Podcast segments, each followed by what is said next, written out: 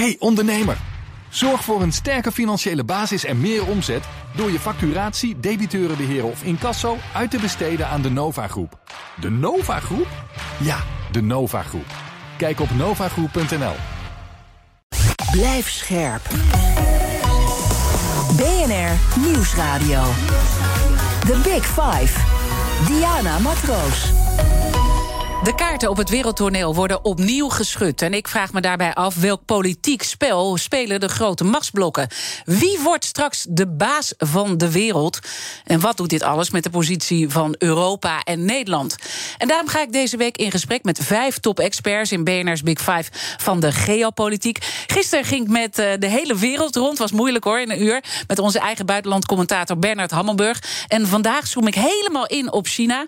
En dat doe ik met niemand minder dan Ties Dams. Hij is China-expert van het Klingendaal Instituut.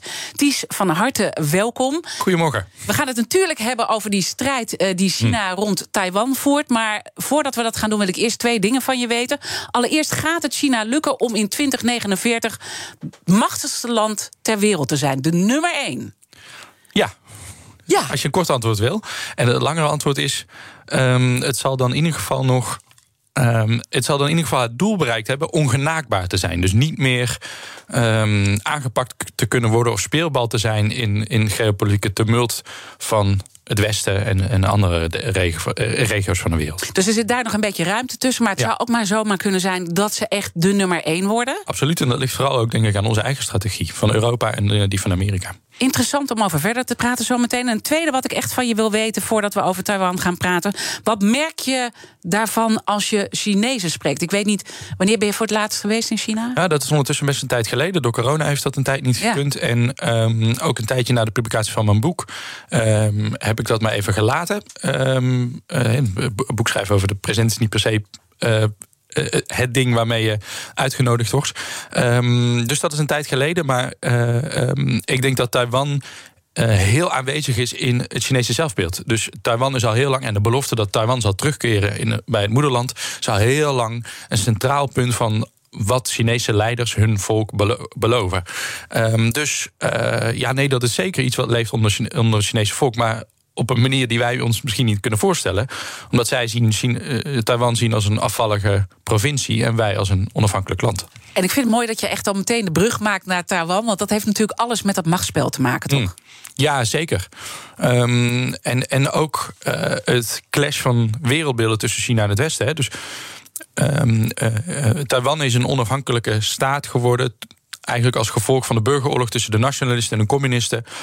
Um, tijdens de Tweede Wereldoorlog en daarvoor.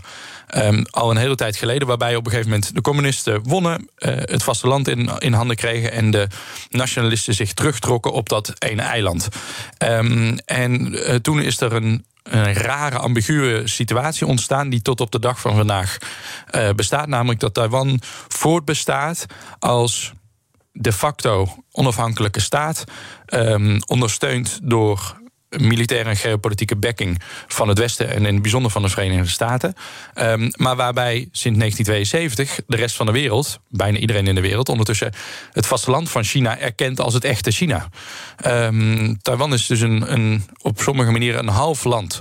En het is een speelbal dus ook geworden. Het is, het is zeker een speelbal. Uh, aan de andere kant een, in, in de praktijk een functionele, bloeiende, um, waanzinnig innovatieve democratie. Um, dus, uh, en dat steekt China natuurlijk. Dat steekt China. Democratie, maar, daar houden ze niet van. Absoluut. En zeker omdat het he, onder de um, uh, hoede van, van, die, van die westerse dominantie zich zo heeft kunnen ontwikkelen. Dus het is ook niet aan zich een democratie. Het is een democratie geworden ook dankzij die westerse geopolitieke inmenging in Azië. En um, het verscheuren van het idee van het moederland, waar Taiwan bij hoort, plus um, die ideologische erfenis, een democratie op Chinees grondgebied, um, als gevolg van in de Chinese uh, in de Chinese taal westerse imperialistische beïnvloeding. Dat is een, een, ja, een soort van hotpot van, van moeilijkheden. En, en dat moet die Chinese staat dus ook, en heeft het al heel vaak beloofd aan het eigen volk, weer recht gaan zetten. Het moet terugkomen. Uh, de president Xi wil uh, Taiwan echt opnieuw inlijven als uh, provincie. Wordt Taiwan hier zenuwachtig van? Hè? Want er was natuurlijk groot militair machtsvertoon wat we hebben eh, gezien. En elke keer is er weer een onderdeel in dat hoofdstuk. Worden ze daar zenuwachtig van daar? ja, en, en daar geven ze ook blijk van. Um, niet zo lang geleden had uh, de leider van Taiwan een heel um, stemmingmakend opinieartikel in een um, vooraanstaand Amerikaans buitenlandse zakenblad. Waarin het zegt: het is echt het UU. Uh, jullie moeten ons ten hulp komen. Jullie zijn wat staat tussen Xi Jinping uh, en ons He, vasteland, ons, ons, onze richting eigen land. de Verenigde Staten. Richting de Verenigde Staten vooral, maar natuurlijk in een brede NAVO-bondgenoten. Um, en um, dus ja, ze zijn daar zenuwachtig over. Tegelijkertijd weet Taiwan net zo goed als Beijing en um, wij allemaal dat um, uh, Xi Jinping en de CCP een duidelijke deadline heeft voor het herinlijven van uh, Taiwan. En dat is niet morgen, maar 2049. Dat duurt nog eventjes. Omdat ze dan echt wereldmacht nummer één willen zijn. Precies. Dat is, dat is de doelstelling. En dan moet het, het moederland ook weer herenigd zijn. en dat het al tijden uh, steeds kleine stapjes vooruit zet, zonder echt de mokerslag te slaan. En dat betekent dat het heel de tijd de grens oprekt van, um, uh, van wat de internationale gemeenschap acceptabel vindt. Mm -hmm. Dat China doet in richting tot. Dus het stuurt net wat meer, steeds net wat meer vliegtuigen uh, richting Taiwan. Het doet net wat meer gevaarlijker of agressief lijkende militaire oefeningen. Um, en ondertussen. Um, uh, uh, mm-hmm. schroeft het ook cyberaanvallen, desinformatiecampagnes richting Taiwan op om verdeeldheid in Taiwan te zaaien en het vertrouwen in Taiwanse instituties uh, naar beneden te brengen. Dus ik hoor je eigenlijk zeggen, ze willen uh, één Taiwan inlijven richting 2049. Ja. want dat is dat, dat, dat machtsdoel wat ze zich hebben gesteld. Maar het is eigenlijk ook een machtsoefening richting de Verenigde Staten. Want uh, Taiwan zegt: help ons. Uh, dan heb je de Verenigde Staten aan uh, de andere kant. Is dat ook wat China probeert uit te lokken in dit hele oefenen? Ja, ik denk dat dat een heel gunstig bijeffect is. Dus het, het, de primaire drijver van dit gedrag is Taiwan moet terugkomen in het middenland. Alleen dat is een lange termijn stoel. Dat hoeft niet morgen te gebeuren en dat gaat ook niet morgen mm -hmm. gebeuren.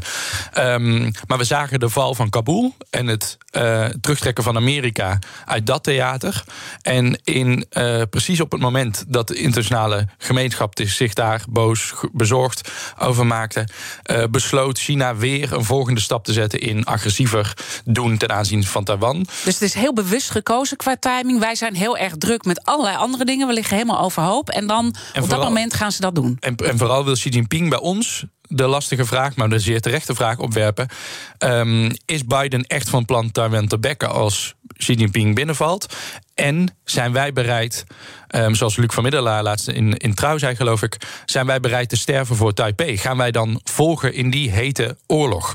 Um, en nou, ik weet het antwoord al, ik denk niet. Het, het, het nou. lijkt onwaarschijnlijk aan de andere kant als Biden um, China blijft zien als een existentiële bedreiging voor Amerika. En Taiwan ziet als het centrale theater waar de strijd tussen die twee grootmachten gevochten moet worden.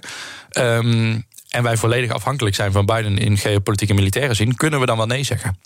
En dat wordt een heel spannende vraag die misschien in de toekomst uh, wel komt. Ja. Aan de andere kant zie je bij Biden en eigenlijk ook, want dat kwam ook in het gesprek gisteren met Bernard naar voren. Ja. Uh, ook zijn voorgangers die waren eigenlijk al, hè, America First, eigenlijk Obama al. Dat, dat, dat frame ligt ja. heel anders. Maar als je eigenlijk goed kijkt naar wat, wat hij zei, was dat toen al het geval. Dat was bij Trump natuurlijk overduidelijk. Maar ook Biden zet dat uh, voort. Ze willen niet meer politiemacht van de wereld zijn. Dus gaat Amerika echt naar voren treden op dit punt dan, denk je? Uh, ja, en dat komt omdat het um, ziet, en het bedoel ik Amerika en eigenlijk de gehele foreign policy elite op dit moment, Republikeinen en Democraten, dat is zo uniek. Die lui zijn het nergens over eens, behalve over China. Um, China. China ziet en de opkomst van China ziet als een bedreiging niet voor alleen voor hoe de wereldorde nu is, maar als een nationale veiligheidsbedreiging voor Amerika. Dus uh, China is een core national security interest voor Amerika. Dat gaat dus niet over Amerikaans mondiaal leiderschap. Dat gaat over Amerika. Kan Amerika niet zijn als het die nummer één positie afgeeft aan China. En elke cent die China groeit, is een cent die de nationale veiligheid van Amerika bedreigt. En het gaat denk ik niet alleen over de nationale veiligheid, maar over het vrije kapitalisme, wat zo ontzettend belangrijk is voor de Verenigde Staten. Precies. En ook voor, voor ons trouwens. En op de lange termijn op de, over de suprematie van de dollar, over de loyaliteit van de Europese bondgenoten. Het raakt aan, en, dat hebben die Amerikanen natuurlijk goed gezien, aan alle aspecten van Amerika's mondiale macht en de manier waarop dat hun nationale belangen voedt. En dan zie je dat kat-en-muisspel eigenlijk. Of nou, misschien moet ik het iets anders zeggen. Wie heeft de meeste spierpallen? Ja. als het gaat om dat machtsvertoon. En Xi maakt dus heel bewust gebruik van een bepaalde timing. Omdat wij heel erg druk zijn. Dat doen ze vaker volgens mij, deze strategie. Als wij druk zijn, dan uh, komen ze even lastig doen. In het begin van de corona pandemie, dus echt van de pandemie, dus het moment dat het ook eh, rondom de wereld insloeg, zagen we dat China ehm, eh, de National Security Law in Hongkong doorvoerde, waarmee eigenlijk de opbloeiende ehm, en nog steeds gemankeerde democratie in Hongkong gekneveld werd door Beijing's regelgeving. Um, ook daar was de internationale gemeenschap en er waren Europese landen boos over. Maar wederom, omdat we met andere dingen bezig waren, bleef het ook bij verontwaardiging. Um, dus ja, uh, China zet graag stappen vooruit als het gaat om de dingen waar ze bang zijn dat de rest van de wereld boos over wordt. Op momenten dat de rest van de wereld bezig is met andere dingen. Of wanneer ze toch eigenlijk weinig te winnen hebben in termen van imago. Op het moment dat het toch al gevreesd wordt. Um, en dat is het interessante aan wat er nu ook in Europa en Amerika aan de hand is. Um, electoraten en burgers vrezen China. En dat lokt bij China het gedrag uit dat het precies die dingen gaat doen waarop wij ze vrezen. The Big Five. Diana Matroos. Mijn gast is China-expert van het Klingendaal Instituut Ties Dams. Om het machtsspel beter te begrijpen, moet je natuurlijk ook kijken naar de leider met de meeste invloed. En dat is natuurlijk president Xi Jinping. Je hebt een boek over hem geschreven, De Nieuwe Keizer. Als we even kijken naar hoe machtig hij is in vergelijking met eerdere presidenten, hoe machtig is hij dan? Hij roept vandaag de 300 machtigste mensen van China bij elkaar. Um, om het beleid voor de komende jaren te bepalen. En uh, hij gebruikt die gelegenheid, dit even als illustratie van hoe machtig hij is. Niet alleen om het beleid te bepalen, Um, waar hij aan letterlijk elk touwtje trekt. Maar om zichzelf als het officiële derde hoofdstuk in de Chinese hedendaagse geschiedenis te schrijven. Um, de Communistische Partij China schrijft zijn eigen geschiedenis. En dat doet het officieel, in officiële documenten. En tot nu toe heeft het twee hoofdstukken, namelijk het hoofdstuk Mao en het hoofdstuk Deng Xiaoping. En Mao en Deng Xiaoping hebben dat heel bewust zo gedaan om zichzelf belangrijk te maken. Xi Jinping is de enige leider um, sinds Deng Xiaoping die het voor elkaar krijgt om zichzelf tot een historisch epoch uit te roepen. En dat is wat hij vandaag en de komende dagen gaat doen. Uh, zo machtig is hij. En dan is het ook mooi om te zien hoe hij dat doet en hoe hij zijn leiderschap uitoefent. Wat voor type leider is het?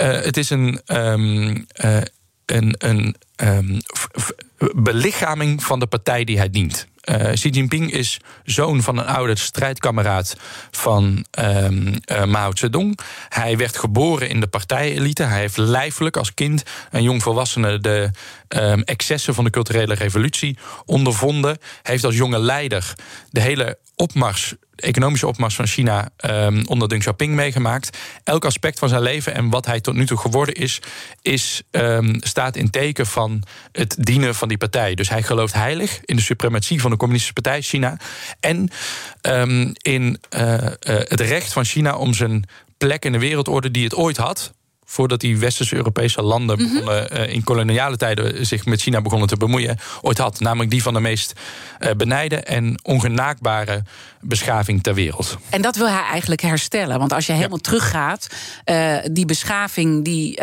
waren ze ooit, maar die zijn ze ergens verloren onderweg, omdat ze zich blind hebben gestaard? Ja, de, de twee redenen. En die redenen tekenen het Chinese beleid tot nu toe. ik denk dat um, hij terugkijkt op die keizerrijken die zijn gevallen. Um, um, op ja, op, op twee factoren. Eén, ze waren blind voor de innovatie die in Europa plaatsvond. De Europese koopmanslieden en technologische vooruitgang die onder, in koloniale tijden ons zo competitief maakte. Um, En uh, tweede hoogmoed dat het niet hoefde te leren van de rest van de wereld. Blind zijn voor, voor die vooruitgang en voor de geopolitieke dreiging die vanuit gaat. En wat doet China nu? Het probeert uh, leidend te zijn op technologisch en economisch gebied. En het probeert elke geopolitieke crisis voor te zijn door er net wat harder in te gaan dan de rest. En ook uh, veel duidelijker eigenlijk in zijn uitspraken. Want dat ja. hij echt ook durft te zeggen: wereldmacht nummer 1 in 2049. Dan durf je ook wel wat. Ja, en ik denk dat um, uh, dat enige nuance behoeft. Wereldmacht nummer één. Ik denk dat China ernaar streeft niet zozeer de hegemonie van Amerika over te nemen. Hè. Het feit dat we overal ter wereld handelen in dollars. Xi Jinping probeert niet te bereiken dat we dat in 2049 49 doen in renminbi. Maar hij wil China zo sterk maken dat het ongenaakbaar is. Dat het niet beïnvloed kan worden door de Verenigde Staten als hegemon door uh, Europese landen. Ze willen ook respect. Ze willen respect van ons. Ze willen respect en ze willen uh, zo sterk zijn dat ze met rust gelaten kunnen worden. En de vraag is of die intentie bewaarheid wordt. He, of het uh, in zijn ambitie om ongenaakbaar te worden... niet juist precies die hegemon wordt die Amerika nu is. Amerika wilde ook ongenaakbaar worden... en juist anders zijn dan haar, haar koloniale voorganger, het Verenigd Koninkrijk. maar de geopolitiek heeft een soort van wrange logica... dat het opkomende machten toch altijd in um, grotere belangen sleept dan het zelf van plan is om, om, waar, uh, om in terecht te komen. En wellicht uh, gaat dat met China ook gebeuren. Als je dan kijkt naar uh, zijn doelstelling is duidelijk. hij vertoont ook meer lef, maar je moet daar genuanceerd naar kijken. Uh, hoe rolt hij dat uit? Met welke strategie en wie is daarbij belangrijk voor hem? Ja, zijn eerste punt, denk ik, was het onder controle krijgen van de partij. Hij is heel kritisch op voorgaande leiders, uh, Hu Jintao en Jiang Zemin. En vooral omdat zij leiders waren van een partij die ze eigenlijk niet controleerden. Um, de eerste ambtstermijn van zijn heerschappij draaide om het onder controle krijgen van de partij als het middel om China verder te helpen in de wereld. Dat heeft hij met een anticorruptiecampagne, waar hij heel veel mensen de bak in heeft gegooid, voor elkaar gekregen. Vervolgens kwam er een hele ambitieuze agenda tevoorschijn. Die ging om uh, China uh, leidend maken in de tien belangrijkste hoogtechnologische industrieën van de komende decennia. Van quantum computing tot high-tech agriculture en uh, ruimtevaart, luchtvaart, you name it. Um, dat heette Made in China 2025 en daar is hij nog steeds mee bezig. China moet dominant en um, leidend zijn in al die hoogtechnologische industrieën. Sommige daarvan waar Nederland nu een heel groot belang bij heeft. Dus dat is bijzonder interessant. Gaan we het zo meteen ook over hebben, ja. En nu um, uh, heeft zich denk ik een derde hoofdstuk in zijn strategie aangediend. Namelijk Um, wat hij noemt uh, gedeelde welvaart, common prosperity. En dat gaat erom dat China um, de vruchten van globalisering moet maar zich moet indekken tegen de meest nadelige effecten daarvan. En we, wat zijn die nadelige effecten? Hm? Um, uh, klimaatverandering. Hij zet heel sterk in op ja, verduurzaming. Het slechtste uh, van de wereld. En, en ja. de Chinese middenklasse is bijzonder ontevreden over de leefomstandigheden in grote steden, die heel veel met vervuiling te maken heeft. Dus om populair te blijven bij die club, moet hij daar wat aan gaan doen. Inkomensongelijkheid, daar hoopt hij wat aan te gaan doen. Uh, er zijn tot nu toe, en daarom pakt hij nu ook grote bedrijven aan. De vraag is of hij dat echt voor elkaar krijgt. Uh, de tekenen mm-hmm. zijn tot nu toe dat hij dat waarschijnlijk niet krijgt. Het is heel moeilijk om dat aan te pakken. Um, uh, en um, andere aspecten waarbij het grote bedrijfsleven het maatschappelijke leven beïnvloedt. Hij heeft bijvoorbeeld een hele ambitieuze agenda over um, uh, de, de, de, werkomstandigheden bij big tech bedrijven. Ouders van ja. jonge kinderen moeten maar minder hard moeten werken bij die grote tech bedrijven. Oké, okay, want, nu, nu ga je een beetje snel, dus ik wil nog even een stapje terug. Want je ja. noemde ergens gewoon even middenklasse. Ja. Maar die middenklasse is dus ongelooflijk belangrijk voor hem om die mee te krijgen, om die ja. tevreden te stellen. Ja. Uh, maar hij wil ze ook niet te mondig maken. Is dat waar hij op een tevreden middenklasse is, ja. is niet mondig. Um, ja, maar, ja, een tevreden gaat... middenklasse is tevreden. um, de, ik denk dat. Um, uh, kijk, de grote economische belofte van de Communistische Partij China. tot nu toe was extreme armoede oplossen. Het probleem is dat heeft het volgens de eigen cijfers een paar jaar geleden gedaan. Wat is de grote volgende belofte? Nou, Xi Jinping zegt de levensomstandigheden van die nieuwe middenklasse verbeteren. En het doet dat in de veronderstelling dat een tevreden middenklasse geen democratische rechten gaat eisen. Onze aanname in het Westen is altijd geweest dat die middenklasse dat juist wel gaat doen. Als mensen het beter krijgen, willen ze ook meer van hun politieke leven. Willen ze meer vrijheden, willen ze meer inmenging. Nou, Xi Jinping is niet van plan hen dat te geven, maar moet, weet zeker dat, het dan op, dat die dan op andere gebieden moet leveren, leveren. En daarom is die zo ambitieus op verduurzaming. Daarom is die zo ambitieus op het aanpakken van inkomensongelijkheid. En op nog een aantal andere uh, domeinen. En dat noemt hij gedeelde welvaart. En dan uh, om het begrenzen uh, van de mensen. Dus toch dat ze niet te mondig worden. Want hij wil natuurlijk dat die middenklasse heel sterk wordt. Enerzijds omdat ze daarmee meer kennis genereren. Ja. En die kennis is belangrijk om uh, ook die economische grootmacht te worden. Want ze willen op alle borden willen ze de beste worden. Ja. Uh, en dat is denk ik ook het grote verschil denk ik, met China uh, nu en, en, en vroeger. Vroeger waren het meer de goedkope handen. Ja. En nu is er meer kennis. Dus dat is, dat is veranderd. Dus dat is die doelstelling. Maar om die gevaren uh, te beteugelen. Is dat de reden waarom hij dan techbedrijven aanpakt? Ja, en, en hij doet dat op specifieke sectoren waarvan hij denkt dat uh, die techbedrijven um, de maatschappelijke cohesie in gevaar brengen. Uh, op andere gebieden worden ze enorm gesteund. Dus ze worden aangepakt op fintech, uh, waarbij bijvoorbeeld people-to-people -people lending, via apps kunnen mensen elkaar geld lenen. Um, uh, grote financiële bubbels zouden kunnen ontstaan, die dan vervolgens kunnen leiden tot een maatschappij ontvruchtende financiële crisis. Dat is het, het schrikbeeld van de CCP. Maar op andere gebieden helemaal niet. Worden ze enorm gestimuleerd. Um, bijvoorbeeld als het gaat om he, groene batterijen uh, voor in uh, elektrische auto's. Dus maar, maar ze, ze, begrenzen dus op de punten die dat gamen wat je ja. net noemde. Maar Jack Ma is opeens ook Precies, verdwenen Jack, van het toneel. Ja, Jack Ma wordt een van de rijkste mensen van China. Um, maar ook een, een, een hele flamboyante leider die graag de aandacht uh, naar zichzelf trekt. Die wordt als voorbeeld gesteld. Kijk, uh, dit is wat er gebeurt als je alleen maar rijk wil worden en je niet houdt aan de gemeenschappelijke nationale doelen van China. Um, dan word je een kopje kleiner gemaakt. En zo wordt nu de baas van um, Evergrande, de, de vastgoedreus die in elkaar stort, van zijn persoonlijk vermogen uh, beroofd om die crisis te beteugelen. Heel mooi om daarover verder te praten, want we komen nu eigenlijk ook bij het bedrijfsleven terecht. En wat gaan wij er allemaal van merken? Die groeiende macht China op het Nederlandse en Europese bedrijfsleven. Het Westen. Ties Dams, China-expert. Blijf vooral luisteren. Hey ondernemer. Zorg voor een sterke financiële basis en meer omzet door je facturatie, debiteurenbeheer of incasso uit te besteden aan de Nova Groep. De Nova Groep? Ja, de Nova Groep. Kijk op novagroep.nl. Blijf scherp. BNR Nieuwsradio. The Big Five. Diana Matroos. Welkom bij tweede half uur. Deze week praat ik met vijf kopstukken uit de wereld van de geopolitiek. Morgen dan is voormalig secretaris-generaal van de NAVO Jaap de Hoop Scheffer mijn gast. En ik ga dan met hem praten over het machtsspel rond Afghanistan en ook de verzwakte militaire positie van Europa. Mijn gast vandaag is China-expert van het Klingendaal Instituut Ties Dams. Het komende half uur wil ik in ieder geval nog twee onderwerpen met je bespreken, namelijk de zwaktes van China en hoeveel last wij nog gaan ondervinden van de Chinese inmenging. En laten we met dat laatste beginnen. En dan kom ik natuurlijk meteen ook bij de AIVD, MIVD en de Nationaal Coördinator Terrorismebestrijding en Veiligheid. Deden begin dit jaar een uh, oproep. En de boodschap was: de Nederlandse economie wordt bedreigd door digitale spionage vanuit China en Rusland. Ja, wisten natuurlijk al heel lang ja. dat dit een probleem was. Maar de woorden van deze uh, diensten geven ook een bepaald gewicht aan. Is de dreiging echt zo groot?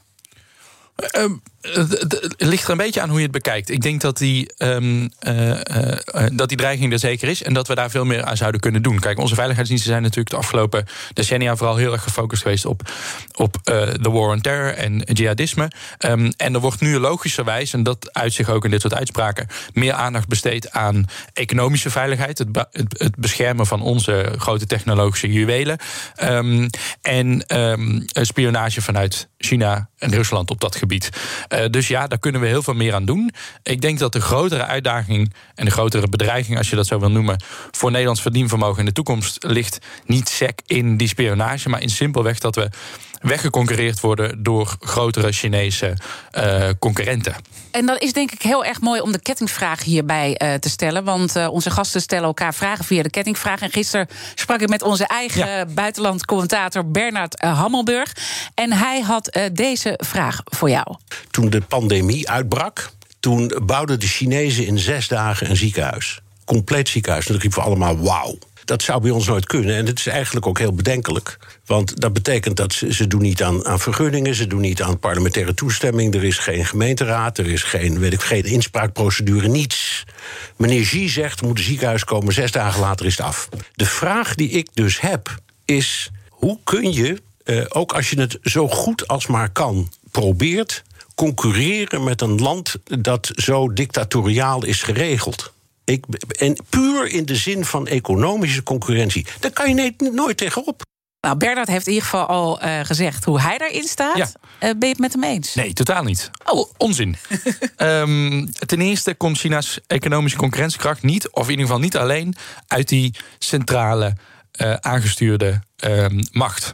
Eh, China is, en daarmee onderschatten we China vaak, extreem competitief, omdat het juist heel slim weet ehm, eh, te di- diversificeren. Verschillende regio's specialiseren zich in verschillende eh, technologieën, in, in, in verschillende hubs, en zijn daarom juist zo concurrerend. Waar heeft het dat van geleerd? Van Europa, waar we al heel lang economisch heel competitief zijn, omdat we met elkaar concurreren en daarom beter worden en ons specialiseren. Dus ehm, ook al is het heel indrukwekkend dat Xi Jinping eh, binnen zes dagen een ziekenhuis kan laten bouwen, dat is natuurlijk ook precies ehm, waarom Evergrande nu in de problemen komt. Omdat lokale Xi Jinpings, lokale potentaten zeiden... Evergrande, bouw maar een voetbalstadion voor ons.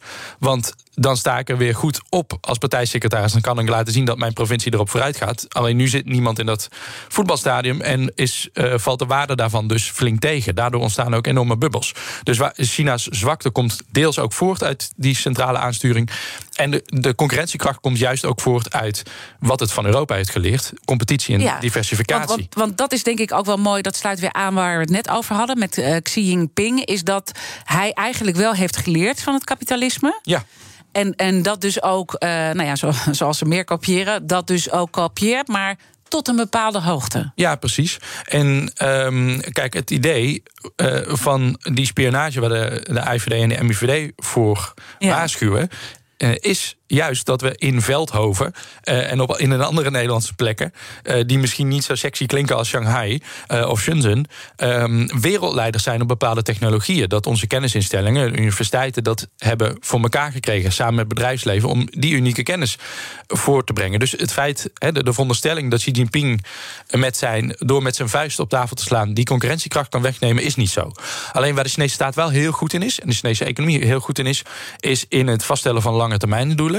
Ehm, en ehm, daarbij eh, ehm, nationale en politieke doelen in lijn te brengen en geopolitieke doelen in lijn te brengen met economische doelen. Dus het kiest bepaalde technologieën waarvan het zegt die zijn belangrijk voor ons verdienvermogen over 20, 30, 40 jaar, maar ook voor onze nationale veiligheid over 20, 30, 40 jaar. En Dus, die dus alles moet in elkaar passen. Omdat hij dus op al die borden eigenlijk de beste wil zijn. Maar dan gaan, dan, dan, dan gaan ze ons toch uiteindelijk wegconcurreren. Nou, niet als we onze concurrentiekracht, de kracht van onze universiteiten, van ons bedrijfsleven kunnen behouden. Maar die concurrentiekracht wat beter kunnen linken aan.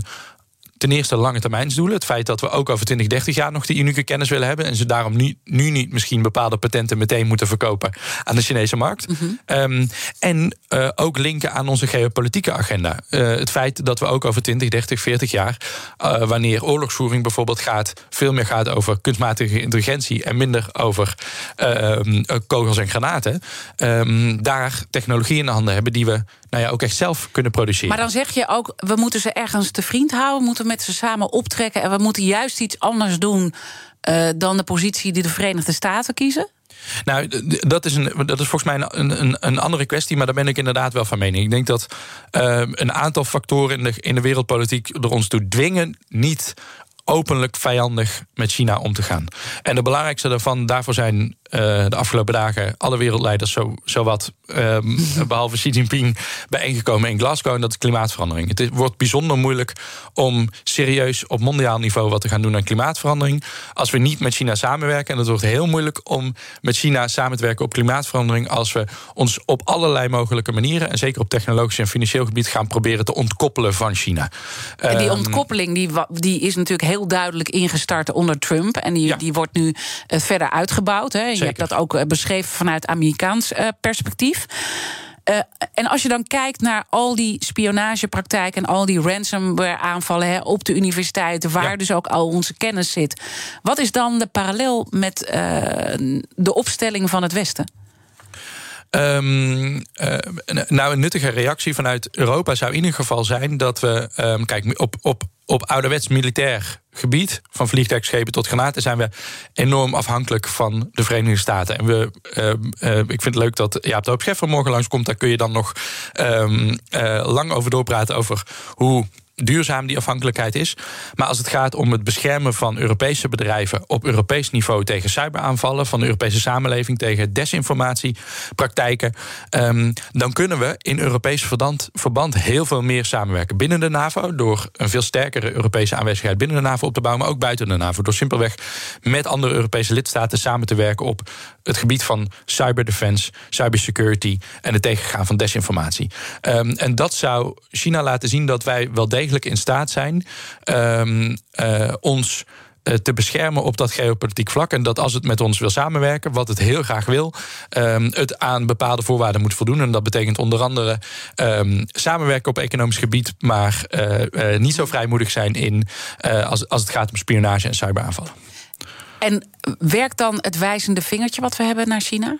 Um, ik denk dat het wijzende vingertje als het gaat om mensenrechtenzaken. Uh, en, en we hoeven dat ook niet zo, uh, uh, misschien niet zo bagatelliserend of denigrerend te noemen. We, er gebeuren verschrikkelijke dingen in de Chinese binnenlandse politiek. En Europese politici zijn daarover terecht verontwaardigd. Maar die wordt vaak niet gelinkt. Hè, die morele verontwaardiging over de situatie in Xinjiang wordt heel vaak niet gelinkt aan wat kunnen we nou in het Westen doen? Misschien niet om de situatie daar te veranderen, maar om Chinese beïnvloeding in Europa beter tegen te gaan. En ik denk dat een hele belangrijke mijlpaal is gezet door de um, uh, Magnitsky Act. Um, sorry voor mijn belabberde uitspraak. Um, waarbij uh, de Europese Unie veel beter in staat is om uh, sancties op te leggen aan personen die betrokken zijn en bedrijven die betrokken zijn bij mensenrechten schendingen, onder andere Chinese uh, bedrijven. Um, dat is echt iets waar we kunnen laten zien: oké, okay, we, we hebben de verontwaardiging, maar we zijn ook bereid om tenminste binnen Europa en binnen Europa's macht in de wereld de prijs te betalen voor die verontwaardiging en, en er wat aan te doen. Moeten we de hoop hebben dat we de situatie in Xinjiang veranderen? Daar lijkt mij geen, heb ik nog geen enkel realistisch plan voor gezien. En dat nee. misschien.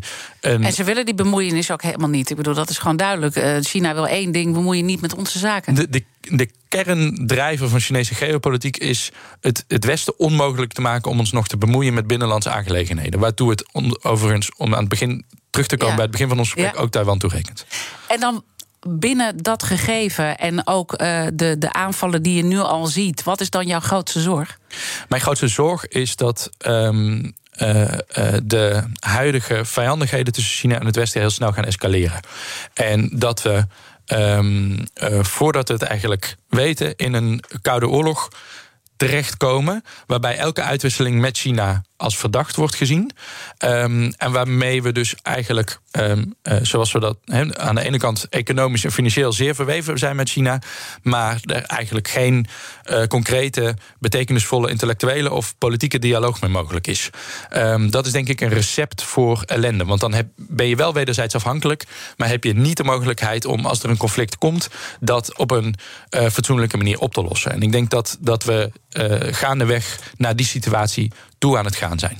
En wat voor impact dat gaat hebben en wat daar allemaal onder ligt, dat wil ik zo meteen verder met je bespreken. Ja. Mijn gast in BNR's Big Five van de geopolitiek is namelijk China-expert Ties Dams. Zometeen, uh, wat ligt er onder nou ja, die grote zorg die uh, Ties eigenlijk net uh, benoemde. Maar eerst naar Iwan Verrip. Zometeen BNR breekt. Wat wordt je breekijzer vandaag? Ons breekijzer wordt, we moeten nu vol inzetten op boosterprikken... om corona weer onder controle te krijgen. Vanaf 6 december worden in ons land de eerste boosterprikken gezet. Bij 80-plussers eerst. Maar de oproep van deskundigen en allerlei zorginstellingen klinkt steeds luider. Van ja, waarom wachten we eigenlijk zo lang? Waarom beginnen we niet eerder met prikken? Want anders duurt het nog een week of vier. Uh, ook als je zou kijken naar de oplopende besmettingscijfers, zou je misschien kunnen denken: er is geen tijd te verliezen. Minister De Jonge die zegt: nou, enorme haast is ook weer niet nodig. Um, maar ja, je zou denken: we hebben inmiddels ervaring met prikken, hoe dat moet, dus kan dat nou niet sneller. Ons breekijzer is: we moeten nu vol inzetten op boosterprikken om corona weer onder controle te krijgen. Ik ben heel benieuwd hoe onze luisteraars erover denken. Ook of ze die boosterprik zelf zouden nemen. Want eerst de 80-plussers, dan de 60-plussers. En daarna komt hij in principe voor iedereen beschikbaar. Maar de Gezondheidsraad heeft gezegd: wij vinden het niet per se nodig, maar hij komt wel. Dus ga je het dan doen? Of heb je misschien een beetje het vertrouwen verloren? Want ja, kijk waar we nu in zitten. Ook al heb je twee prikken gehaald, uh, ja, ja, de ellende is weer compleet. Ja, het um, ehm, GGD-nummer is geloof ik eh, overbelast. Ja, hè? klopt inderdaad. Dus je kan even geen testafspraak maken, later terugbellen. Nou ja, we gaan het dus hebben over uh, boosterprikken. Vanaf 11 uur in BNR Breekt kan je bellen naar 020 468 4 keer 0 020 468 4 keer 0 En trouwens, zei de Wereldgezondheidsorganisatie niet ooit... dat we eerst die boosterprikken aan derde wereldlanden moesten gaan aanbieden... en dan pas zelf moest, meer moesten gaan prikken? Ja, ja, ja. Nou ja allemaal dat soort verhalen. Het gaat eigenlijk uiteindelijk weer om onszelf. Uh, over 14 minuutjes uh, hier op BNR. BNR Nieuwsradio. The Big Five. Diana Matroos. Je luistert naar BNR's Big Five van de geopolitiek. Later deze week praat ik nog met Hubert Smeets over een andere grote wereldmacht, Rusland. Nou, hoewel uh, Bernard Hammelburg uh, noemde Rusland gisteren bij mij een mug op het wereldtoneel. Wil je het gesprek uh, terugluisteren met Bernard? Uh, luister het dan terug via onze app. Mijn gast vandaag is China-expert van het Klingendaal Instituut, Ties Dams. We hebben de hele uitzending natuurlijk al uh, nou ja, over China... die in 2049 nummer één grootmacht wil worden. Dus heel erg op zoek is naar die positie om die te bereiken. En we waren nu eigenlijk op het punt aangekomen... hoe we met elkaar omgaan. Mm. En jouw grootste zorgen ook daarbij. Mm. En ik ben zo benieuwd, wat, wat zit er nou onder die grote zorg? Heeft dat met het onderlinge vertrouwen te maken en dat dat eigenlijk escaleert in negatieve zin nu? Ja, zeker. Um, en, en de wetenschap dat um, uh, we de, facto, en daar doen we niks aan, um, bezig zijn aan een historische omwenteling in de geopolitiek. Er is gewoon een enorme machtsverschuiving, waarbij de eerste niet-westerse grootmacht zijn plek inneemt. Um, en dat de wetenschap dat dat soort omwentelingen in het verleden bijna altijd zeer gewelddadig zijn verlopen. Dat we nu aan de voorramen staan van wat een mondiaal offensief tegen klimaatverandering moet zijn, waarbij alle landen moeten samenwerken. En dat dat precies het moment is waarop op we um, uh, steeds moeilijker kunnen converseren met die belangrijke grote ander, met China. Um, om alle conflicten en crisis en moeilijkheden en puzzels die de komende jaren op klimaatverandering en een heleboel andere dingen mm aan allerlei landen ter wereld voorgesteld worden. Um, uh, dus op een of andere manier ook met hen moeten gaan afstemmen. Die, die spanningen moeten we gaan bedwingen. Dat en dat is natuurlijk heel lastig als je elkaar niet vertrouwt. Want ja. uh, wij, ik bedoel, wat is wij? Hè? Dat is dan weer heel generaliseren. Maar wij, het Westen, vertrouwen China niet. Maar China andersom vertrouwt ons denk ik ook net zo goed niet. Nee, zeker. Um, het is interessant. Ik denk in 2005 probeerde Frankrijk en Duitsland het wapenembargo op China, dat na de Tiananmen-incidenten in 1989 was opgelegd, op te zetten. En toen zei Amerika: nee, dat gaan we niet doen. En Frankrijk en Duitsland en de Europese Unie hebben toen gezegd: oké, dan gaan we dat niet doen. En sindsdien zit, ziet China ons in Europa niet als toekomstige autonome geopolitieke speler, waar het vertrouwen in heeft, relatief vertrouwen, maar als speelbal van Amerika. En het ziet al tijden aankomen dat Amerika op een gegeven moment tegen China gaat zeggen: um, uh, die geopolitieke strijd tussen ons, die, dat is er eentje van zwart en wit. Eentje kan er winnen en dat moeten wij gaan zijn. Ja. Um, en dan krijg je natuurlijk ook een hoop frames die over elkaar heen worden gelegd. En dat voedt het uh, wantrouwen onderling. En is dat ook de reden dat ze uh, nog meer gaan spioneren en aanvallen uitvoeren? Waar wij in het uh, Nederlands bedrijfsleven dus ook last van hebben? Ja, zeker. En ik denk eigenlijk het enige wat uh, vanuit Europa meer stabiliteit in die relatie met China kan brengen, is als we beter laten zien dat we en um, uh, niet een duidelijke offensieve agenda ten opzichte van China hebben. Hè, dus dat we niet blind de Amerikaanse lijn volgen om China's opmars ten koste van alles te stuiten.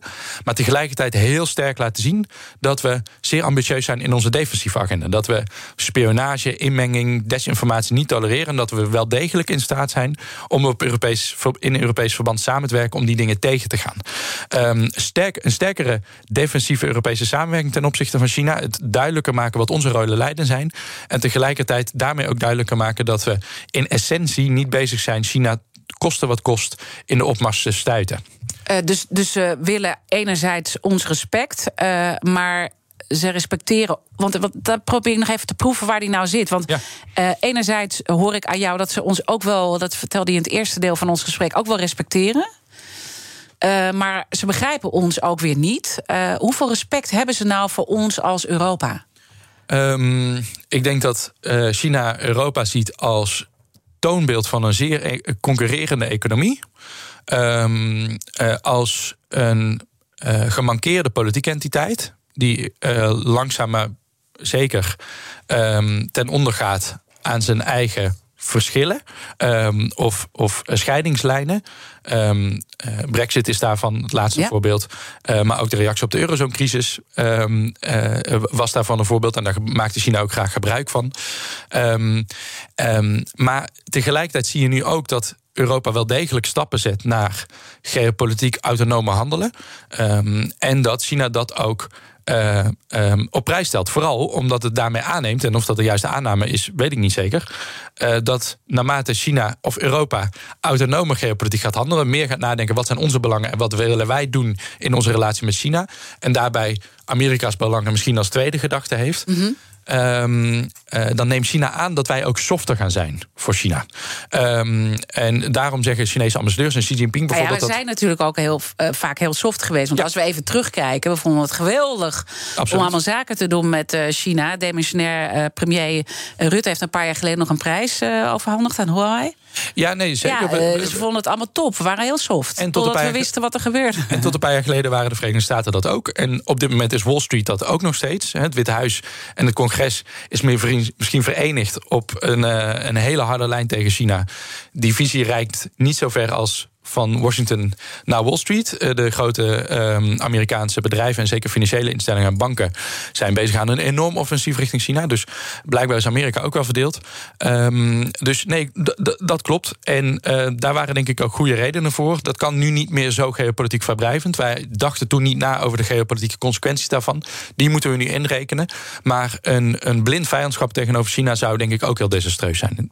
Ja. En wat is dan uh, eigenlijk de grootste zwakte van China? Want hè, ze komen nu heel sterk over. Je hebt dat al een beetje genuanceerd op de vraag van uh, Bernard. Maar wat, wat, wat is de grootste zorg van China zelf? Ik denk één, demografische ontwikkelingen. De Chinese bevolking gaat uh, krimpen. En dat gaat hele verregaande economische gevolgen hebben. Dat is een lange termijns ding. Maar dat is wel iets waar de CCP, de Communistische Partij, zich enorm zorgen over maakt. Daar kunnen wij misschien niet zoveel mee. Um, en het andere ding is het ontwrichtende effect van klimaatverandering. Um, daar maakt de CCP ook zich enorm zorgen over. En een van de beste dingen, denk ik, die we kunnen doen, is wederzijds investeren in groene technologieën. Dat helpt de wereld, uh, maar zeker ook uh, China en Europa. En dus in dialoog met elkaar gaan, en, maar ook de eigen broek ophouden. Want ja. ze moeten ook wel wat meer respect dan voor ons hebben op dat niveau. Uh, en de vraag is dan of we dat allemaal willen. Maar goed, uh, ja. daar, daar is het uur niet meer voor. Want uh, we hebben nog een belangrijke taak te verrichten. Namelijk de kettingvraag gaat door. Morgen dan praat ik met voormalig secretaris-generaal van de NAVO, Jaap de Hoop Scheffer. Wat zou je hem willen vragen? Nou, dat, ik zou hem iets willen vragen over een recent van, een rapport van de, een groep der wijzen van de NAVO. En die groep der wijzen heeft gekeken naar de toekomst van de NAVO. En die heeft opgemerkt dat Rusland en China politieke uh, tegenstellingen binnen de NAVO proberen te verergeren om zo de NAVO zwakker te maken. Mijn vraag aan Jaap is. Um, waar zitten de hardste drukpunten? Waar kunnen China en Rusland het, het makkelijkste drukken? Hoe moet de NAVO daarop reageren? En wat heeft Nederland bij te dragen aan een reactie daarop? En als ik jou eigenlijk zo hoor, is zorgen dat we weer meer eenheid krijgen uh, in Europa om te kunnen opboksen uh, nog in het wereldtoneel. Maar dat wordt echt een onmogelijke taak te missen. Ja, ik denk dat er heel, heel nuttige stappen te zetten zijn en die ook al gezet zijn. Als je kijkt naar de reactie op corona binnen Europa, dan was die in het begin uh, een kakofonie. Um, door Luc van Miller een pandemonium genoemd. Maar later kwam er wel degelijk een hele ambitieuze, gedeelde Europese reactie op de coronapandemie. Um, en dat, heeft, dat geeft ons ook geopolitieke zeggingskracht. En zo kunnen we ons door blijven ontwikkelen. Dus nee, ik ben niet zo pessimistisch. Oké, nou goed eh, dat we toch een beetje optimistisch eindigen. Dankjewel, Ties Dams, China-expert verbonden aan instituut Klingendaal. En je hebt een mooi boek geschreven over Xi Jinping, eh, de nieuwe keizer. Dus voor iedereen die nog even wat wil weten over deze man, eh, zeer aan te raden om te lezen. Ik heb het gelezen. En luister al onze afleveringen terug via onze app. Volgens mij weten jullie intussen wel de weg. En blijf vooral live hier op BNR. Zometeen Iwan Verrips, alles over die booster prik in BNR breekt. Ik wens je een mooie dag. Hey ondernemer, zorg voor een sterke financiële basis en meer omzet...